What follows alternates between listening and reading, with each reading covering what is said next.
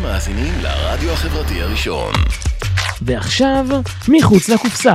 שער פסיכולוגיה בהגשת עירי צדות. לצפייה באתר, בפייסבוק ובאפליקציה. שלום, אתם מאזינים למחוץ לקופסה.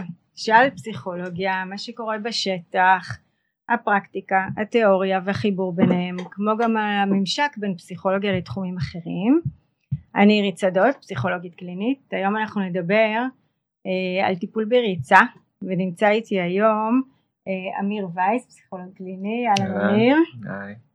אז נתחיל? יאללה. יאללה, אחרי ממש להתגבר על מיליון טכנולוגיות, והיום מדודי שלי לא איתי, זה כבר היה מאתגר ממש. אה, אז קודם כל ממש תודה שבאת. בשמחה. אה, ספר קצת על עצמך קודם כל. אז אני אמיר, פסיכולוג קליני בהכשרה שלי. אה, אני גם נשוי למורן, מקסימה, יש לי שני ילדים קטנים וכלבה. עוד אחד בדרך, אחת בדרך. אה, ואני רץ חובב במרחקים ארוכים. אני עושה ספורט כל החיים, אבל ריצה בשמונה, עשר שנים האחרונות. אה, וגם משלב את השניים, ועובד בזה ככלי טיפולי, כמו בקליניקה, אבל קצת אחרת. אוקיי, אז תכף נגיע באמת לדבר על זה. אה, אז באמת תספר איך הגעת לטיפול בריצה. אה, סיפור ארוך, בערך ארוך כמו סאגת הריצה שלי. אה, אבל זה, זה, אני חושב כמו כל סיפור ככה ש, שבן אדם הופך להיות מושקע בו, זה סיפור שמתחיל מחוויה אישית. וחוויה אישית היא חוויית הריצה. וצריך להגיד שרוב השנים אני עושה ספורט בערך מגיל מאוד מאוד צעיר. אבל רוב החיים שלי לא היה. לא היה קשורים בריצה בכלל. זאת אומרת, הייתי עוסק בתחומי ספורט אחרים לגמרי, יותר תחומי האקסטרים, נקרא לזה. צניחה חופשית, גלישת גלים, מקומות היותר אה, ככה מעוררים מבחינתי. ואיך נכנסתי לריצה זה סיפור טיפה אחר, וצריך שעה אחרת בשביל זה, אבל קרה משהו לפני שמונה שנים, זה גם היה תוך כדי הכשרה במהלך תואר שני, וככה העיסוק בעולם הפסיכולוגיה בכלל, שגיליתי את עולם הריצה. וברגע שנכנסתי לזה יותר, גם כסטודנט וכמי שמנסה להעמיק בפסיכולוגיה וכדומה, אז גם ההסתכלות שלי על מה זה ריצה ומה זה גורם לי בהיבטים הנפשיים, פסיכולוגיים וכדומה, אז זה דבר שהעסיק אותי מאוד. ואני חושב שלאורך ה... נהוג לחשוב שריצה זה, לפחות אני נהגתי לחשוב שריצה זה משהו מאוד מונוטוני כזה ומשעמם. מסתבר שממש לא, אפשר לרוץ בכל מיני דרכים. אה, אפשר לרוץ אה, עם מוזיקה ובלי מוזיקה, אפשר לרוץ אה, עם מדדי דופק וקצב וכדומה, ולחלוטין לא. אפשר לרוץ בעיר ואפשר לרוץ בכפר או בשטח, אפשר לרוץ ביום ובלילה, וכל חוויה כזאת יצרה משהו אחר. ולמדתי ממנה, ככה כל פעם הפקתי איזשהו לקח.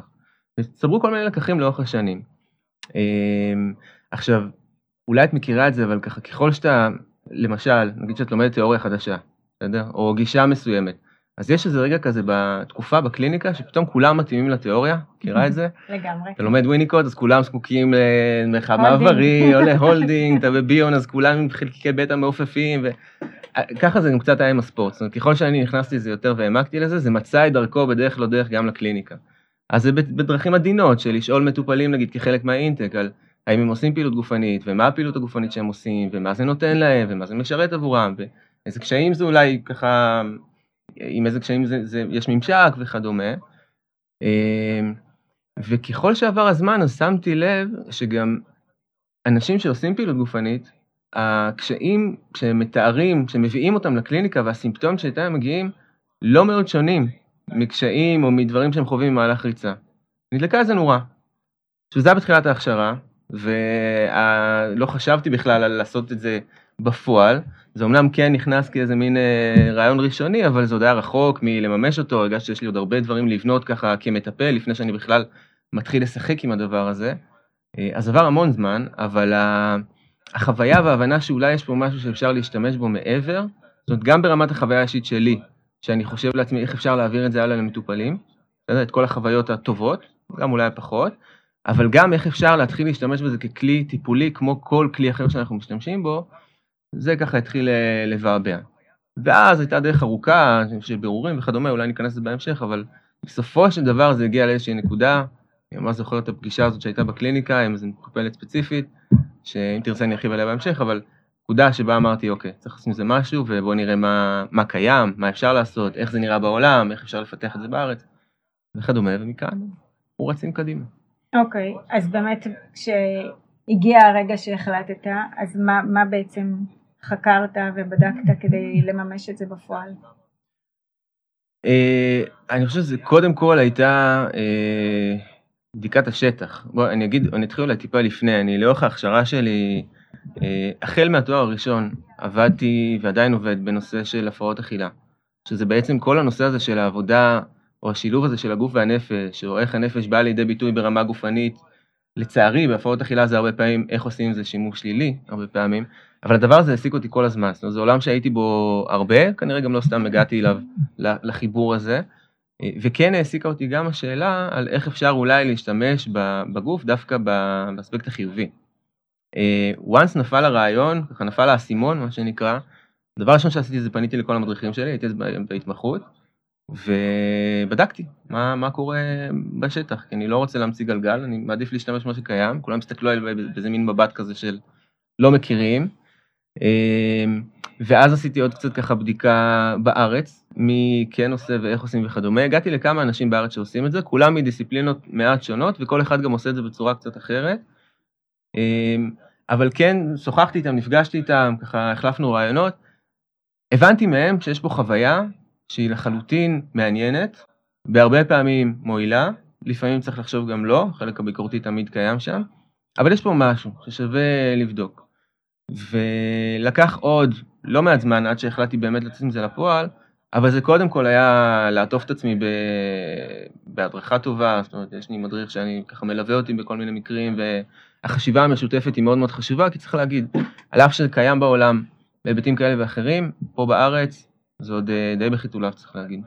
אז אה, זה קודם כל לייצר איזשהו בסיס, גם מבחינתי מקצועי, וגם איזה היקפי כזה, שככה שומר ומתבונן ומסתכל, ומפה לצאת לדרך. אז באמת יש לי שתי שאלות. קודם כל, מי זה המדריך הנועז הזה? יעקב יבלון, נהדר. שהסכים, כי זה לא מובן מאליו. ממש לא. אני יכולה לדמיין הרבה מדריכים שהיו מרימים גבה וגם קיבלתי כאלה, לחלוטין. אוקיי. לחלוטין. אז הוא מאוד, אה, אני מבינה, זרם עם הרעיון הזה. זרם, זורם, כן. כן. אוקיי.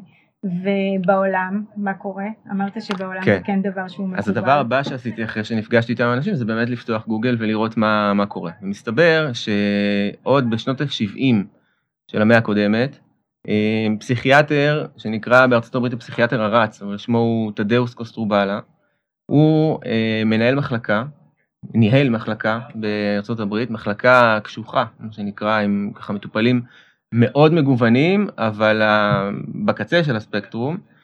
אמ, הדרך שלו לריצה היא גם, היא הייתה דרך מאוד מעניינת, לא, לא ניכנס אליה, אבל בסופו של דבר הוא גם, הוא גילה את עולם הריצה, ואיכשהו, מתוך החוויה שלו, החליט להכניס את זה למחלקה שלו. הוא יצר קבוצת ריצה, שבאמת מורכבת מחבורת אנשים שהחל אמ, מהפרעות אכילה ודיכאון ואובדנות ופסיכוטיים ומאניה דיפרסיה, שילב את הכל ביחד, יצא איתם לריצה 45 או שעה, נגיד, של ריצה. ואז עברו לקליניקה, לעוד uh, שעה של דינמיקה קבוצתית. והתחיל לפתח את הרעיון, הוא הוציא שני ספרים, uh, בהמשך הוא גם פתח מכון שמכשיר מטפלים בריצה. הספר הראשון נקרא The Joy of Running, uh, אחלה ספר, הספר השני כבר, אני קצת פחות התחברתי, הוא כבר לקח איזה תיאוריה שלו ופיתח אותה, זה פחות הכיוון שלי, אבל הוא לחלוטין לקח והשתמש בדבר הזה. עכשיו, מסתבר שגם בגרמניה, למשל, יש שני בתי ספר שמלמדים טיפול בריצה. אני חייב להגיד בהסתייגות קלה, כי כשבהתחלה מאוד התלהבתי וכשניסיתי לדבר איתם וככה יצרתי קשר עם המנהלים, אז הסתבר שהם לקחו את זה לכיוון מעט אחר מכפי שאני הייתי רוצה, שזה לא לגמרי הכיוון הטיפולי, זה יותר איך אה, לעזור נגיד להטמיע ריצה, או איך משתמשים במאפיינים של הריצה, ביתרונות של הריצה, כדי לקדם בריאות נפשית וכדומה, אבל אז הם מעבירים את זה גם לאחיות, סיעודיות נגיד, וליועצים וכדומה, וזה פחות... בעיניי זה יכול להיות כלי, או לפחות אני בוחר להשתמש בזה ככה, שאם זה כלי טיפולי, זה כלי טיפולי לכל דבר שנועד לקדם טיפול פסיכולוגי כמו שאני יודע לעשות אותו. זאת אומרת, אני לרגע לא יוצא מהדיסציפלינה שבה אני נמצא והוכשרתי. אה, הרעיון הוא באמת איך עושים את ההתאמות, מה צריך להעיר באלף, להעיר בעין, מה צריך להתבונן כדי לעשות זה בצורה שתקדם את הטיפול. אז ספר איך זה נראה, איך נראה טיפול בריצה. אה, בצורה הפשוטה זה כמו שזה נמצא, אגב אנחנו מדברים ריצה, אבל חשוב להגיד אולי זה ריצה, הליכה, אה, מבחינתי זה היינו הך, בגדול, במקום 50 דקות שמנהלים אותם על הספה, אנחנו עושים אותם בחוץ.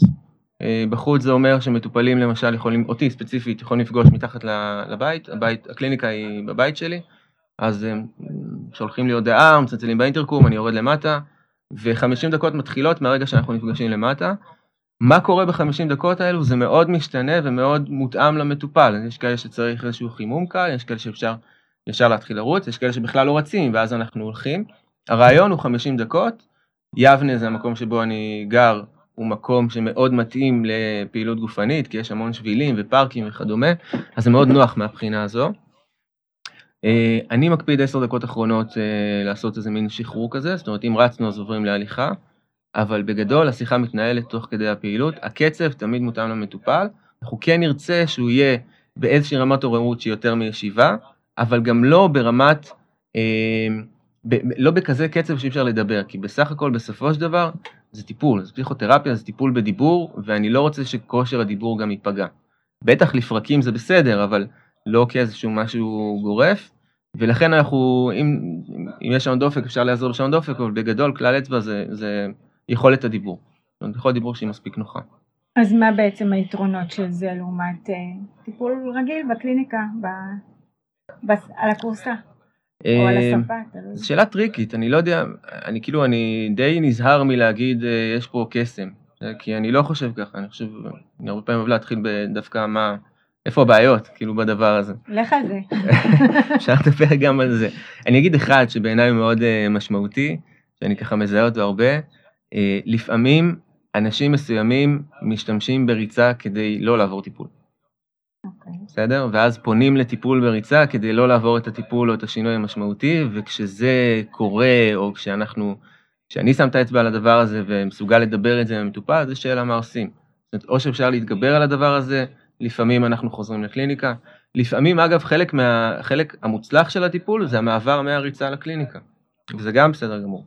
גם אולי צריך להגיד, מבחינתי, זה, זה, היות וזה טיפול לכל דבר, אז תכף אולי ניגע בזה, אבל יש כל מיני דברים שאולי אנחנו פחות נפגשים איתם בקליניקה המסורתית, אה, שעלולים לאתגר את הפגישה עצמה, בסדר? מזג אוויר, פציעות, מחלות, אה, וכו' וכו', שעות לא מתאימות, אם זה בקיץ וכדומה, הסטינג תמיד נשמר. זאת אומרת, אם נגיד יורד גשם, אין כזה דבר שאין פגישה, הפגישה מתקיימת בחדר. אגב, תמיד פגישה ראשונה, שנייה, יש אינטק מסודר רגיל בישיבה, ואז עושים את הברית וככה את החוזה הטיפולי ואת ההמשגה ומבינים האם הריצה יכולה לעזור, איך הריצה יכולה אולי לשרת בתהליך, למה אנחנו רוצים להשתמש בכלי הזה, האם הכלי הזה מתאים וכדומה, אה, ואז יוצאים לדרך. אבל באמת תשתף, אז בדיוק מה שסיפרת בעצם, למי זה יכול להתאים, במה זה יכול לשרת. אז, אז מניסיוני אני יכול להגיד ש... אני אגיד רגע לפני כן, אה, הכלל, הכלל הבסיסי של מי שזה יכול להתאים, זה צריך קודם כל אה, אישור בריאותי, בסדר? צריך להיות אה, ברמת, אפילו אישור מרופא מבחינתי, שיכול לעשות פעילות גופנית, אה, זה אחד. אחר כך עולה השאלה אם בכלל הכלי הזה מתאים לבעיה. למשל, פעם מישהי פנתה אליי, דרך איזה אתר שהיא ראתה אותי, לא קשור לטיפול בריצה בכלל, והיה לה פחד ממעליות, והיא שאלה אם אני יכול אה, לטפל, ואמרתי בשמחה, אני, כבר הגענו לפרטים של הקליניקה ואני קומה 12, ואז היא שמעה שאני קומה 12, אז אמרה אוקיי, אז רגע, אבל שמעתי שאתה גם מטפל בריצה, אולי נעשה את הטיפול למטה, יהיה לי יותר קל. עכשיו זה מקרה מבחינתי שהוא לא מתאים, ל... הוא לא בהכרח מתאים לטיפול בריצה, אז התשובה שלי הייתה לא, כאילו בואי ננסה לעזור למצוא מטפל שהקליניקה שלו יותר נגישה מבחינתך, שיכול לעשות נגיד CBT, ש... כאילו הטיפול הסטנדרטי, הגולד סטנדרט, יכול אולי לעזור יותר. אם זה לא מתאים וזה, נצא להרפתקאות חדשות. אבל... אז בגדול צריך לראות באמת שהבעיה מתאימה, אוקיי? אמ, מי שזה, אני שם לב שפונה, בסדר? פחות מתאים, אבל אנשים שפונים, הרבה פעמים זה אנשים ש... יש כמה סוגים. יש אנשים שיש להם איזשהו קושי עם אה, אינטימיות. אוקיי? הישיבה הזאת בחדר, הסגור, הקרוב, המפגש אה, של העיניים עם המטפל, אה, הוא לא קל להם, והם מחפשים את היציאה החוצה, יש לי בקליניקה, יש לי חלון ראווה גדול כזה, זה אנשים שמדברים עם החלון ולא איתי, ומאוד קשה להם, ואז האפשרות של היציאה החוצה והמרחב נותנת להם איזשהו פתח אחר. יש אנשים שנרתעים מטיפול פסיכולוגי בכלל. אמ, ויש משהו באמירה הזאת שזה טיפול בריצה, שהוא כאילו נותן להם את האפשרות, כאילו את, ה, את האפשרות לחשוב שזה לא טיפול פסיכולוגי, למרות שבעיניי זה לחלוטין כן, בסדר? גם ירגישו את זה אוטוטו, אבל זה מאפשר להם את הכניסה בדלת, מה שנקרא. אה, יש אנשים שמאוד דוארים כאלה, והם פחות בביינג, ואז כאילו יש משהו ב... בלצאת, לפעול, לעשות, קשה להם לשבת בכיסא, וכדומה. אז זה, כל מיני סוגים של אנשים שאולי באופן סטנדרטי לא היו מגיעים לקליניקה, והאפשרות הזאת היא נותנת להם איזשהו פתח להיכנס לטיפול.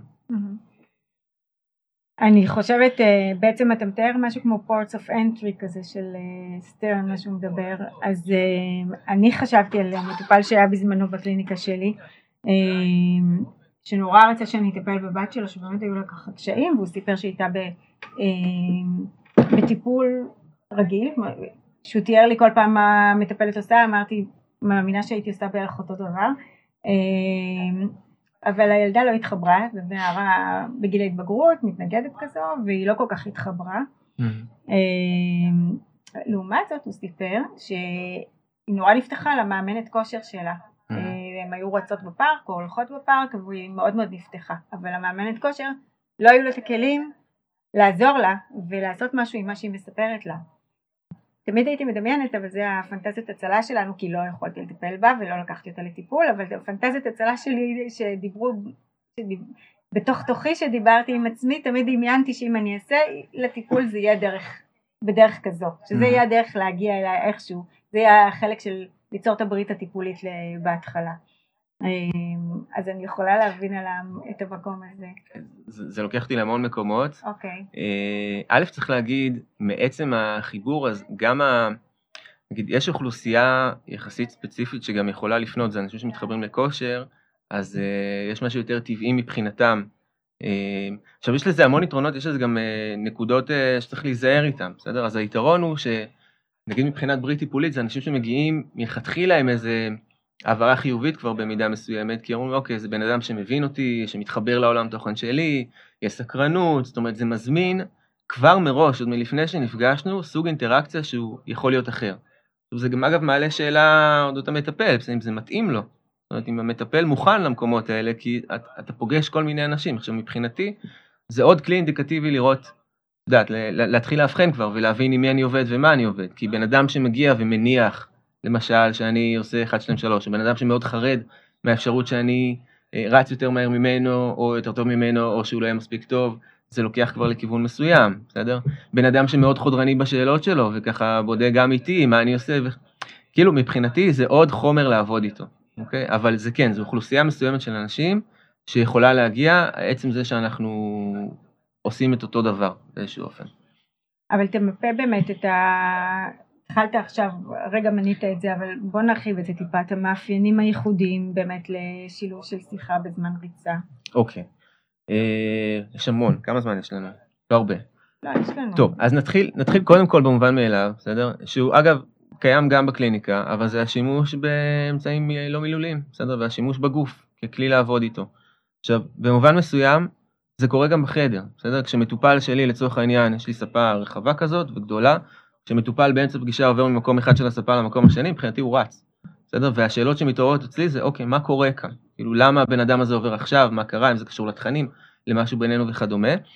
כשזה קורה בחוץ, והגוף הוא עוד כלי שאפשר לעבוד איתו, זה בעצם נותן לנו עוד אה, דרך להתבונן.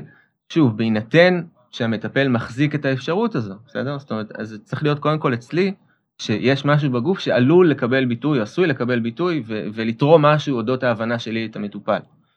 אה, מה זה אומר שימוש למילוי בגוף? אני אתן כמה דוגמאות, זה כי יש פה, צריך להבין, יש פה כמה גופים, גופות, לא יודע איך לתאר את זה, אבל יש את הגוף שלי ויש את הגוף של המטופל, ושניהם נותנים לנו רמזים, אינדיקציות למה קורה. אה, למשל, בסדר? דוגמה לשיחה עם מטופל, אה, שבמהלך השיחה הוא מספר על איזשהו אה, מישהו שעשה לו איזה משהו מעצבן, נגדיר את זה ככה, והאופן שבו הוא מדבר את זה מאוד שלב, רגוע, מונוטוני, זאת אומרת, ברמת הדיבור אין שום אזכור לחוויה הרגשית שאולי יכולה להתחולל בפנים, אוקיי? עכשיו כמובן שבי בתהליכי העברה, העברה נגדית וכדומה, מתעוררים כל מיני תחושות, אבל זה לא בא לידי ביטוי ברמה המילולית. אבל אני כן, תוך כדי השיחה איתו, מרגיש שאני מתחיל להתנשף. הגוף שלי מדבר, אוקיי? עכשיו, היות ואני רץ עם שעון דופק, אז אני מסתכל בשעון דופק, ואני רואה שהדופק שה... שלי עולה, ושהקצב של הריצה שלנו עולה.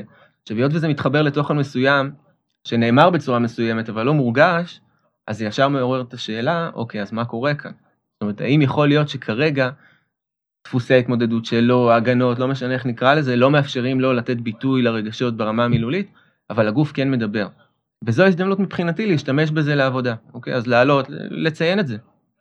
תראה, קצב עולה, מה קורה, אם זה קשור, לא קשור, איך אתה מרגיש, וכדומה. אז זה איזשהו כלי לעבודה. עכשיו, זה, זה הגוף שלי, אבל גם הגוף של המטופל הרבה פעמים מדבר, בכל מיני דרכים, בסדר? אז לפעמים מטופלים עצמם מתחילים להתנשף, והם לא שמים לב, ואני מאיר את, ה, את הדבר הזה, ולפעמים זה מין הערה תמימה כזאת של מה, קצב מהיר, אולי צריך להאט וכדומה, וזה גורר כל מיני תגובות מאוד מעניינות. אז למשל, אדם שהוא מאוד אה, מרצה כסימפטום, בסדר? ובא עם כל מיני סימפטומים של חווה את החיים כחולפים על פניו, הוא לא נכנס, לא מרגיש דברים וכדומה, אז כשהוא פתאום מתחיל לגמגם קצת או קשה לו ואני מאיר את הדבר הזה והוא אומר לי, אה, תשמע, אני חשבתי שרצים בקצב שאתה, אתה אמור לדעת איך אני רץ ובאיזה קצב וזה, ואני אעשה את מה שאתה רוצה. אמירה כזו מבחינתי, היות והיא מתחברת להמשגה ולסימפטום וכדומה, זו הזדמנות לעבוד. אני לא, אוקיי, רגע, אבל יש את הגוף שלך, ולמה אנחנו לא מקשיבים לו כרגע, ולמה העדפה להקשיב לגוף שלי? זה הזמנה לבדיקה. ויש משהו ב, במרחב בחוץ ובשימוש בגוף בצורה הרבה יותר אקטיבית מהישיבה בחדר, שהוא מזמין עוד חומרים לעבודה. שוב, במידה ובוחרים אה, להתבונן על זה, וזה התפקיד שלנו כ, כמטפלים. אז זה בהיבט של הגוף. יש את הסביבה. אה, והסביבה מזמנת המון, אה, המון חוויות. צריך להגיד, זה מורכב, בסדר? זה לא כזה פשוט, זה גם מאוד תלוי באיזה סביבה אתה עושה את זה. זאת אומרת, יש לי נגיד קולגה שאמרה, אני לא יכולה לעשות את זה מעצם זה שאני גרה במושב מאוד מאוד קטן, ואין אפשרות, אה, זאת אומרת, לצאת החוצה בלי שכולם מכירים אותנו, ואני בתפקיד טיפולי. אפרופו, אני מדבר על סודיות ו- וכדומה, אבל אה, יש סביבה שהיא מאוד סואנת, ואז השאלה שעולה זה האם זה יפגע בטיפול או לא. אבל אם אני רגע חוזר לאיך אפשר להשתמש בסביבה, הסביבה, יש אה, ספר של יאלון, אה, שנקרא מתנת התרפיה, שהוא מדבר שם על איזשהו, איזושהי סצנה כזאת שהמעבר עד שמגיעים לדלת של הקליניקה עוברים באיזשהו שביל, והדלת, משהו בידית שם הוא לא, לא לגמרי יושב טוב. הוא אומר שזה מעניין לראות איך כל מטופל מגיב אחרת לדלת הזאת. אחד יתעצבן, אחד אה, יסתבך, אחד יאיר וכדומה. זאת אומרת, גירויים שכולם חווים, מעוררים בנו כל מיני דברים, זה בקליניקה, אותו דבר בחוץ, אוקיי? אז למשל, אה, טיפול שבו אנחנו רצים, וכל פעם שאנחנו מגיעים, מגיעים לאיזה גינת אה, ילדים, פתאום משהו בתוכן משתנה ואנחנו עוברים משיחה של מאוד דוארית כזאת לשיחה על אזורי התשוקה. אוקיי, אז משהו בסביבה יכול לעורר את זה, שוב, התפקיד שלנו להיות ערניים. אגב, אה, יש, אולי נדבר עוד מעט על setting, אבל ה setting באופן מסורתי אמור להיות מאוד קבוע. כשאתה יוצא החוצה, אתה מאתגר אותו מאוד. הניסיון שלי למצוא את הפשרה הזאת, זה כן די מהר למצוא איזשהו מסלול שיחסית קבוע ו- ולהיות בו. אפשר לגוון, עוד פעם, אם יש הבנה מאחורי למה אנחנו מגוונים וכדומה, אבל כ- כ- כאיזושהי אמירה עקרונית, אני כן מעדיף שיהיה מסלול שהוא יחסית קבוע ומותאם. אה, כי זה כאילו הדרך לייצר קביעות מבחינתי בסביבה שהיא כל כך משתנה, כי יש אנשים ומכוניות ורעשים וכדומה. וגם לזה אנשים מגיבים בכל מיני צורות, כי לפעמים בן אדם יכול להיות במסלול חמש, שש, שבע פעמים, ורק בפעם השמינית לראות את המזרקה שקיימת שם כל הזמן. וזה אוטומטית מעורר שאלה, אוקיי, אז מה קורה עכשיו שפתאום נפתח איזשהו מרחב להסתכל על הדבר הזה? האם זה אומר משהו ברמה הסימבולית, האם זה קשור למה שאנחנו מדברים? קיצור, זה עוד כלי שאפשר להשתמש בו. זה דברים שבעצם גם בעצם עולים בקליניקה. לגמרי. נכון? איזושהי תמונה שקיימת, מה תמיד התמונה הזאת הייתה פה? נכון, לחלוטין. אה, או בכלל ההתייחסות, אה, אני זוכרת שהגיעה לאיזה מטופלת ומראש היה לה איזה הערה נורא דוולואטיבית על האופן שבו הקליניקה שלי נראית. אה, גם הייתי פתיחת הדרך אז זה היה נורא מתסכל. ולעומת זאת יש כאלה שנכנסים ואומרים וואו איזה קליניקה מהממת כאילו איזה יופי פה ישר זה גם דירה אפשר לישון פה mm. כאילו זה, זה יחידת דיור אז האמירות האלה שנכנסים לקליניקה כמובן השאלה מה שרציתי לשאול אם, אם בעצם כש, נמצאים בחוץ, אם זה לא נורא מסיח, כי כשאנחנו בתוך הקליניקה אז אנחנו מאוד ערנים לאמירות הטרנספרנציאליות האלה בעצם, והשאלה אם בחוץ הוא לא מסיח אותנו מלחשוב את הדברים האלה. השאלה מסיח את מי? את המטפל? את המטופל? את המטפל. את המטפל? אמ, אני יכול להגיד ככה, הפגישות הראשונות שעשיתי, זה היה באמת כמו לצאת מחדר כושר אה, למוח, לא, לא לגוף. אה, כמות הגירויים שהייתי צריך אה, להתמודד איתם, זה קצת כמו טיפולים ראשונים בקליניקה, בסדר? זה אותו, זה, אתה פתאום מבין שאתה צריך גם להתייחס לתוכן, וגם להתייחס לאפקט, וגם להתייחס לזמן ולמסגרת, והמון דברים להחזיק, ועוד אתה עושה פעילות גופנית תוך כדי, כאילו זה היה כמעט מה מורכב. שקורה לנו פה עכשיו, לא? כן, בדיוק. גם הטכנולוגיה, גם החרדה, גם. החשיפה, ו... לגמרי, ואני בעמדת המטופל כרגע, זה בכלל... אה. אה, אז זה היה מאוד מאתגר, אבל עם הזמן אתה, אתה לומד אה, לחלק את הקשב ולראות למה מתייחסים ומתי. עכשיו ברור, כאילו יש, גם, תראי, אני אתן לך דוגמה, נגיד אה, אפרופו אה, סודיות והמרחב הבטוח וכדומה, המרחב הזה מאותגר, אוקיי? אה, עכשיו גם, יש אנשים שזה בכלל לא מעניין אותם, זה לא מפריע להם, ועצם זה שזה לא מפריע להם זה מעורר שאלה, בסדר? היה פעם מקרה ככה שזה זה עוד בקליניקה ברמת גן גבעתיים שהייתה לי, זה היה בדיוק לפני הבחירות המוניציפליות, ואנחנו עמדנו ברמזור והתחלף לירוק ועברנו את הרמזור ובצד השני חיכו לנו, חיכה לנו צוות עם אה, מצלמה ומראיינת, רצתה לראיין אותנו לקראת הבחירות ומה אנחנו בוחרים. עכשיו אני נחרדתי באותו רגע ורק רציתי לברוח וברחתי, התחלתי לברוח. והמטופל, מטופלת, נעצרו ונתנו ראיון במהלך גדול. הטיפול. כאילו, גדול. עכשיו, מעבר להלם הראשוני והחוסר נעימות וכדומה, אחר כך אתה טיפה נושם, אתה אומר, אוקיי, רגע, מה קרה כאן? כאילו, למה, למה? זה הזמן שלך, שלך, זה, זה לא הדבר המתבקש לעשות. האם זה אומר משהו, האם זה קשור לסימפטומים, האם זה קשור להמשגה שלנו, בסוף, איך אומר המדריך הדגול שלי, יעקב יבלון, שלקח את זה ממישהו, שלקח את זה ממישהו, מטאביסטוג, לא חשוב. אומר, זה לא משנה מה תעשה, זה חשוב מה תעשה עם מה שעשית. זאת אומרת, האקטים קורים כל הזמן. אה, המשמעות ניתנת אה, אה, עם הדבר הזה, אם אנחנו מסוגלים לעבוד איתו, לראות איפה זה תורם לנו או, או לא, אוקיי? ובמובן הזה, קרה, אחלה, בואו נראה איך אפשר לעבוד עם זה. אז כן, אז יש המון גירויים והמון הסחות. יש, אני רגע הולך לראש של מטופלים, בסדר? כי יש אנשים שזה מאוד מפריע להם, וזה לא מתאים. יש אנשים שמלכתחילה שהם שומעים, אני אומר בהצגה העצמית הראשונית שלי, גם לאנשים שלא מגיעים לזה, אני מציין את זה. יש אנשים שהתגובה הראשונית היא, מה פתאום, זה לא, אני לא, אני, אני לא יכול, כאילו, אני לא, לא יכול להתרכז. זה בסדר גמור. יש אנשים שמגלים את זה תוך כדי, וזה גם אחלה. אומרת, אני מנסה להיות מאוד מאוד גמיש עם הדבר הזה. שוב, מבחינתי זה אמצעי להשגת מטרה, זו לא המטרה בפני עצמה. אם המטרה תושג אם אנחנו נשב בחדר, נשב על ספסל, אחלה. הרעיון הוא לנסות להיות גמיש כמה שיותר, עם הכלים האלה ברגע שזה זה, ולפתוח עוד אופציות. כמובן עם עקרונות ו- וככה חשיבה מאחורי זה. ספר על איזה אתגר שהיה, שנתקלת בו. אמ, יש המון אתגרים. תראי, יש את כל נושא ה... תן דוגמה, בסדר? אמ, שדווקא מעניין כאילו לראות איך מתמודדים עם הדבר הזה. אמ, אותה סיטואציה, שני מטופלים שונים, בסדר? רצים, מתחילים לרוץ, עושים את זה בחוץ, או הולכים, לא משנה, ומתחיל גשם אה, קל, אוקיי? ולאט לאט הגשם מתחזק. עכשיו, יש פה מציאות חיצונית שצריך אה, להתייחס אליה. שאלה מי מתייחס אליה? אני מתייחס אליה, המטופל מתייחס אליה, וכבר אתה נכנס לדילמה טיפולית. ובאיזשהו שלב אני שואל מטופל אחד, תגיד, כאילו, הגשם מתחזק, אתה רוצה אולי שנחזור לקליניקה? ואז הוא עוצר ואומר לי, וואלה, אה, לא שמתי לב, אתה צודק, בוא נחזור. עכשיו, אגב, אגב, אתגר נוסף, עד שכבר חזרנו, הגשם היה כל כך חזק, שהיינו רטובים ממש. מציעים כוס תה, מוצאים שמיכה, זאת אומרת, זה כן, זה לא, זה, זה, זה כל מיני משחקים עם setting שאתה תוהה מה המשמעות של זה מעבר למענה הקונקרטי. ש, שברור, בסדר, אני רוצה שיהיה להם נוח, אבל מה המשמעות מעבר? זה מטופל אחד, מטופל שני, אותה סיטואציה, מתחיל גשם קל, הגשם מתחזק, אני שואל, רוצה לחזור לקליניקה, אותו מטופל אומר לי, וואלה, לא שמתי לב בכלל, כאילו בוא נמשיך.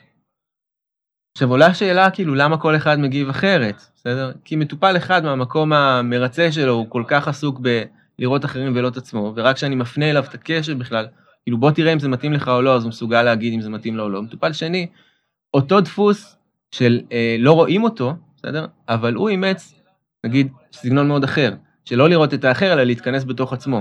אז מבחינתו גם הסביבה לצורך העניין היא קצת מנותקת, הוא בכלל לא מרגיש את הזה. עכשיו, כל סיטואציה כזו בחוץ, מעלה דילמה. בסדר? מה אתה עושה, וזה, וזה אתגר בפני עצמו כל פעם מחדש. ושוב, שאלה איך אתה משתמש ומה אתה עושה עם זה. עניתי לך או שהייתי ליד? לא, לא, לגמרי. אמ, אני חושבת על זה שזה טיפול, כאילו, אם גם ככה אנחנו מדברים על enactments שעושים עם השמיכה או התה והטישו, אז זה ממש כאילו לאורך כל הדרך בעצם, נכון? אה, אה, מלכתחילה זה טיפול שהוא ב, בעשייה, הוא באקט, כן, הוא בדוי. נכון, נכון. אה, רציתי ככה לשאול באמת על ה setting. תרצה להגיד על זה עוד משפט, כי יש הרבה מה להגיד על זה. אז תגיד. אני חושב שבכלל, כאילו, גם התגובות שאני רואה לגבי האנשים ששומעים שאני עושה את זה, דווקא אנשי טיפול. אז יש כאלה שמגיבים במאוד סקרנות, ויש כאלה שמגיבים ב- בחרדה, ויש כאלה שמגיבים בהתנגדות. לשמחתי לא הרבה, אבל יש גם כאלה. אה, אני חושב שזה גם הרבה נובע מהאופי של המטופל, של המטפל, ומהנכונות שלו להיכנס לעמדה הזו, כי זו עמדה שהיא היא מאוד שונה מהעמדה הקלאסית המסורתית, שלא לומר הפרוידיאנית אה, וכדומה. זה כן עמדה שבעיניי יותר מתחברת לגישות ההתייחסותיות, שמדברות על האפשרות שיש פה איזושהי דינמיקה אה, שבה המטפל והמטופל משפיעים אחד על השני. זה כן דורש איזושהי נכונות של המטפל לוותר על המרחב שלו. זאת אומרת, זה כבר לא, הקליניקה היא לא רק שלי, זה מרחב משותף לשנינו.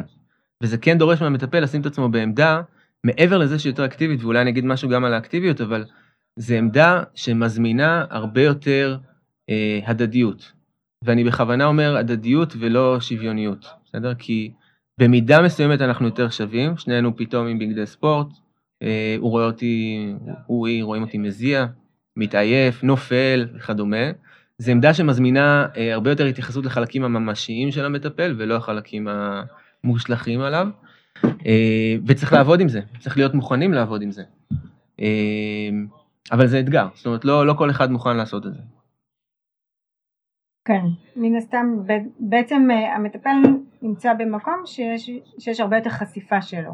נכון, אה, אבל אמרנו הדדיות ולא שוויוניות, כי צריך להגיד אולי גם מילה על זה, התפקידים בינינו עדיין שונים. זאת אומרת, זה שאנחנו נגיד באותה פוזיציה והולכים ביחד ומסתכלים אפילו לאותה מטרה, גם ברמה הסימבולית וגם ברמה הקונקרטית, כי אנחנו הולכים לאותו מקום, אה, זה לא יחסים שהם שוויוניים במובן הזה שאני מחזיק את החלק של אני המטפל והוא המטופל, וכל מה שקורה במהלך הפגישה, התפקיד שלי הוא לבחון את האפשרות שיש לזה איזושהי משמעות נוספת שקשורה לטיפול או לא, זה לא התפקיד של המטופל. זה ההבדל בעיניי בין ההדדיות לאסימטריות נקרא לזה, זה התפקיד האסימטרי שלי. יש איזה סוגיות אתיות שאולי... אה, יש המון. אוקיי. אמ, נחלק את זה לשלוש וניגע אולי בכל אחד אה, זה. יש סוגיות שקשורות למטופל ויש סוגיות שקשורות למטפל. אני אתן אולי דוגמה, סוגיות של, שקשורות למטופל, אז נגענו בזה מקודם, ואני אגיד על זה אולי עוד משהו. אה, שימוש כהימנעות, בסדר? מתי אנשים משתמשים בטיפול אה, כדי לא לעבור טיפול, ואז תמיד עולה הדילמה האם אנחנו מפסיקים את זה, האם אנחנו ממשיכים, זאת אומרת, העדיפות היא תמיד לדבר את הדבר הזה, אבל לפעמים זה גם מגיע למצב שאני אומר שאני חושב שזה לא מתאים וצריך לחזור לקליניקה. אה, ויש שאלות לגבי אה, מתי אנשים משתמשים בזה באופן שהוא פתולוגי. למשל, בהפרעות אכילה, אני אשתדל לא להגיד אף פעם, בסדר? אבל אני אשים אלף סימני אזהרה לפני שאני אבחר להשתמש בזה ככלי טיפולי, כי יש את האפשרות שהמטופלת שסובלת מאנורקסיה תשתמש בזה כאמצעי לירידה במשקל. למשל, אנשים עם נטייה להתמכרויות, יש פה שאלה עד כמה אני רוצה להכניס אותם לאיזשהו משהו שעלול להוביל להתמכרות. למשל, אנשים שיש קושי בגבולות, או נשים, אה, ונכנס פה ממד מן הסתם של מיניות וגוף וכדומה, זה מעלה כל מיני שאלות עד כמה זה מתאים או לא, זה תמיד בסוף נבחן עם המטופל הספציפי, אבל יש גם סוגיות של המטפל, אחד מהם דיברנו עד כמה זה מתאים לאופי של המטפל עצמו. אה, ושתיים, יש גם כל מיני עניינים נוספים, למשל, אנשים שרצים, נגיד אני רץ, אז יש לי בדרך כלל, נמצא באיזושהי תוכנית אימונים קבועה. אה, תוכנית אימונים, אם ניכנס יותר לזה, זה אומר שיש קילומטראז' קבוע בשבוע שאני צריך לעמוד בו ולא לחרוג ממנו וכדומה. ואז מה קורה? שפתאום יש לי שלושה, ארבעה, חמישה טיפולים של ריצות בני 50 דקות. אני משלב את זה בתוכנית, אני לא משלב את זה בתוכנית. נגיד ששילבתי ומטופל מבטא לי, מה אני עושה? הוא דופק אותי, כאילו במרכאות. אז האם אני, איך אני מתייחס לדבר הזה? האם אני מטעין את הטיפול באיזשהו משהו שהוא לא בהכרח אה, צריך להיות שם? זה, אז זה לכל הפחות דורש ערנות, כאילו, למקום הזה. אגב, צריך להגיד, כשאני התחלתי עם הדבר הזה, כל מטופל שהסכים, כאילו קרנו עלתה ב, ב, באלפי מונים? זה היה המטופל המיוחד שלי. איך זה משפיע על הקשר ו, ונכנס לדינמיקה בינינו, זאת אומרת, פה אני חושב אגב שחשובה הדרכה טובה, שתעזור להתבונן על הדברים האלה מעבר. אז זה מעלה המון סוגיות, אה, תחרותיות, סודיות, מיניות, גבולות, אה, כל אחד מהם אפשר לדבר המון, אבל... אה, נכון. כשאני עשיתי טיפול CBT, פחד כלבים, היינו הולכות בשכונה mm-hmm. לפגוש כלבים. Mm-hmm. אז גם, פתאום השכנה עוברת, עושה לי שלום, פתאום מישהי שואלת אותנו משהו, פתאום מגיע כלב, זה מכניס לגמרי. הרבה רעש. לגמרי. וגם באמת הרבה יותר קשה לשמור על הגבולות, זאת אומרת, היא שואלת אותי שאלות, היא רואה אותי איך אני מתנהלת ב... בסביבה שלי שפתאום השכנה עושה לי שלום, או שואלת, נעצרת לשאול אותי לשיחת חולין עכשיו. אז, אז היא כאילו ראתה לי אה, באיזשהו כן. מקום. אה, דברים ממש. שבקליניקה אני נורא מוגנת. נכון, זה לגמרי יציאה מאזור הנוחות. זה גם בעיניי חלק מהקסם אבל. בגלל זה אגב אני חושב שלקח לי זמן הרבה זמן, בסדר? להגיע למקום שבו אני עושה את זה בפועל, כי כשאתה עוד לא מבין מהם הגבולות, אתה לא יכול לחרוג מהם ולהבין שאתה חורג מהם בכלל. זה קצת מאוד ציור כזה אבסטרקטי, כאילו, mm-hmm. עד שאתה לא יודע לצייר אה, באמת מדויק וזה, אז כאילו, קשקוש כולנו יכולים לעשות, אבל קשקוש עם משמעות, זה קצת אחר. אוקיי. Okay. אה, יש לנו ככה ממש עוד קצת זמן. מה, רק התחממתי. כן, כן, ואני רוצה גם שעוד נספיק אה, שתקריא את השיר. אמ, תגיד ככה עוד משהו ככה שחשוב אולי איזה מסר שחשוב להעביר סביב הדבר הזה. יש עוד מטפלים בארץ שמטפלים ככה דרך אגב? אמ, יש עוד, לא המון, אני יכול להגיד שיש המון עניין, בסדר? המון עניין מבחינת אה, אנשים שהם לא אנשי טיפול אה, שעברו את ההכשרה המסודרת של משרד הבריאות וכדומה, זאת אומרת מכל מיני דיסציפלינות קצת אחרות. אה, גם בעולם שלנו יש, אני חושב שהדור הצעיר הוא, יוצא לי להרצות לא מעט על התחום הזה, גם באקדמיה וכדומה. אה, אנשים מאוד סקרנים, כמעט כל הרצאה מגיע מישהו, אומר, תקשיב, אני מטפס על קירות, אפשר לעשות את זה עם זה, ואני רוכב על אופניים, אפשר לעשות ככה. אה, מבחינתי זה, זה הדבר העיקרי שהייתי רוצה להעביר, האפשרות לפתוח את הראש ולחשוב איך אנחנו מייצרים איזשהו מרחב טיפולי שיכול לתת פתח לעוד אנשים להגיע לטיפול, שוב, תמיד תמיד עם השמירה על העקרונות והמקצועיות שלנו. זאת אומרת, אני מבחינתי, אם אני מסיים הרצאה, או אפילו את השיחה הזו, ואנשים ישמעו אותנו ויגידו, האמת שזה לא כזה שונה מהטיפול הסטנדרטי, אבל יש לו עוד קצת כאילו דברים ייחודיים, אז עשיתי את שלי. זאת אומרת, אני מעדיף להיות כמה שיותר קרוב לעולם הטיפול המסורתי שאנחנו מכירים, אבל עם האפשרות לקחת אותו החוצה. נראה לי שאולי עוד כן משהו חשוב אחד, אולי לא ציינו ככה במהלך השיחה, אה, דיברנו ככה אני אקרא לזה יתרונות, אולי אה, ככה שזה יכול להיות פורט אוף אנטרי ואני לא יודעת אם הזכרת, אולי מרוב התרגשות פספסתי את זה. אה, הנושא של סרוטונין, ודיברת על זה? לא, כל הנושא הזה הוא, תראי, בראש שלי לפחות זה מתחלק ל... נגיד שלוש קטגוריות, בסדר? אז אפשר לדבר על האפקט התרפויטי של הריצה לכשעצמה. Mm-hmm. בשביל זה לא צריך פסיכולוג. זאת אומרת, צאו לרוץ, תרוויחו את האפקטים הפסיכולוגיים, אני אמנה אותם כרגע רק ברמת הכותרת, בסדר? אז זה ההיבט באמת של השיפור מצב רוח, סרוטונין וכדומה, האפקט המדיטטיבי הרבה פעמים מדברים עליו, כל הנושא של שליטה עצמית, של תפיסה חברתית, אמ, גם היבטים רגשיים, זאת אומרת, אה, היבטים, נגיד, רגשות שליליים הרבה פעמים פוחתים במהלך אה, זה, אפילו אם לא נעלמים, אוקיי? או מושעים לתקופה מסוימת. כל אלה הם חלק מהריצה לכשעצמה ולא צריך מטפל. אנחנו כן, מן הסתם, אני ואת יודעים את זה, שבעולם הטיפול, אמ, אנחנו יכולים להשתמש גם בפעילות גופנית ככלי תומך, נכון? למשל בדיכאון אנחנו נמליץ גם לעשות פעילות גופנית בדיוק מהסיבות האלו, וזה עוזר לנו לטיפול. חלק שאני רוצה, שאני מתמקד בו יותר, זה באמת השימוש בפעילות גופנית ככלי טיפולי, וזה בעיניי זרוע נוספת, ולקחת את זה עוד צעד קדימה, אבל לחלוטין, אה, אני חושב שזה מה שהוביל אותי מלכתחילה לחשוב על הריצה כטיפול, כי אמרתי, וואו, אני חווה פה כל כך הרבה דברים טובים, למה לא לתת את זה למטופלים שלי, או איך אני יכול להעביר את זה למטופלים שלי. Okay. אוקיי. אז לחלוטין קיים. יש ו... לי עוד שאלה ממש אחרונה. יאללה. אמ, יש, יש מטופלים למשל שזה לפעמים ככה ולפעמים ככה, כן. הפגישות, או יש מטופלים שקבוע, אתם הולכים למסלול מסלול, מסלול מסוים, כאילו נהיו כבר כל מיני אה, רוטינות כאלה, מטופלים לגמרי. ספציפיים? יש מטופלים שאומרים שהם רוצים טיפול בריצה ולא יצאנו פעם אחת לרוץ. אוקיי. בסדר, זה ה-point of entry. יש מטופלים שעשינו את זה כמה פעמים וחזרנו לקליניקה, יש מטופלים שהתהליך היה לחזור לקליניקה דרך הריצה, יש מטופלים שלפעמים אנחנו יוצאים, בסדר, במידת הצורך. אה, שוב, כל עוד זה לא המטרה אלא האמצעי, אז אני משחק עם זה בהתאם לצורך. אוקיי. זה לא ה-holy grail. תקריא את השיר שבחרת לסיום. הוא אצלי? אצלך? הוא אצלך בטלפון נראה לי. רגע. טוב, זה שיר שאני מאוד אוהב. אה, האמת שהוא בעיקר מדבר על תהליך של טיפול בעיניי, אה, אבל קצת כמו ההיבט הזה של טיפול בריצה, זאת אומרת, יש פה אמירה היא מאוד קונקרטית, תכף תראו, אבל תמיד נלקחת גם ברמה הסימבולית. אז השיר הולך ככה, זה שיר טיבטי, אה, הוא הולך ככה. אני הולך ברחוב, במדרכה יש בור עמוק, אני נופל לתוכו. אני אבוד, אני חסר ישע. אין זו אשמתי, לוקח לי נצח למצוא דרך החוצה. אני הולך באותו רחוב, במדרכה יש בור עמוק. אני מעמיד פנים שאינני מבחין בו. אני נופל לתוכו שוב. אני לא יכול להאמין ששוב הגעתי לכאן. אבל אין זו אשמתי. ושוב, לוקח לי נצח לצאת.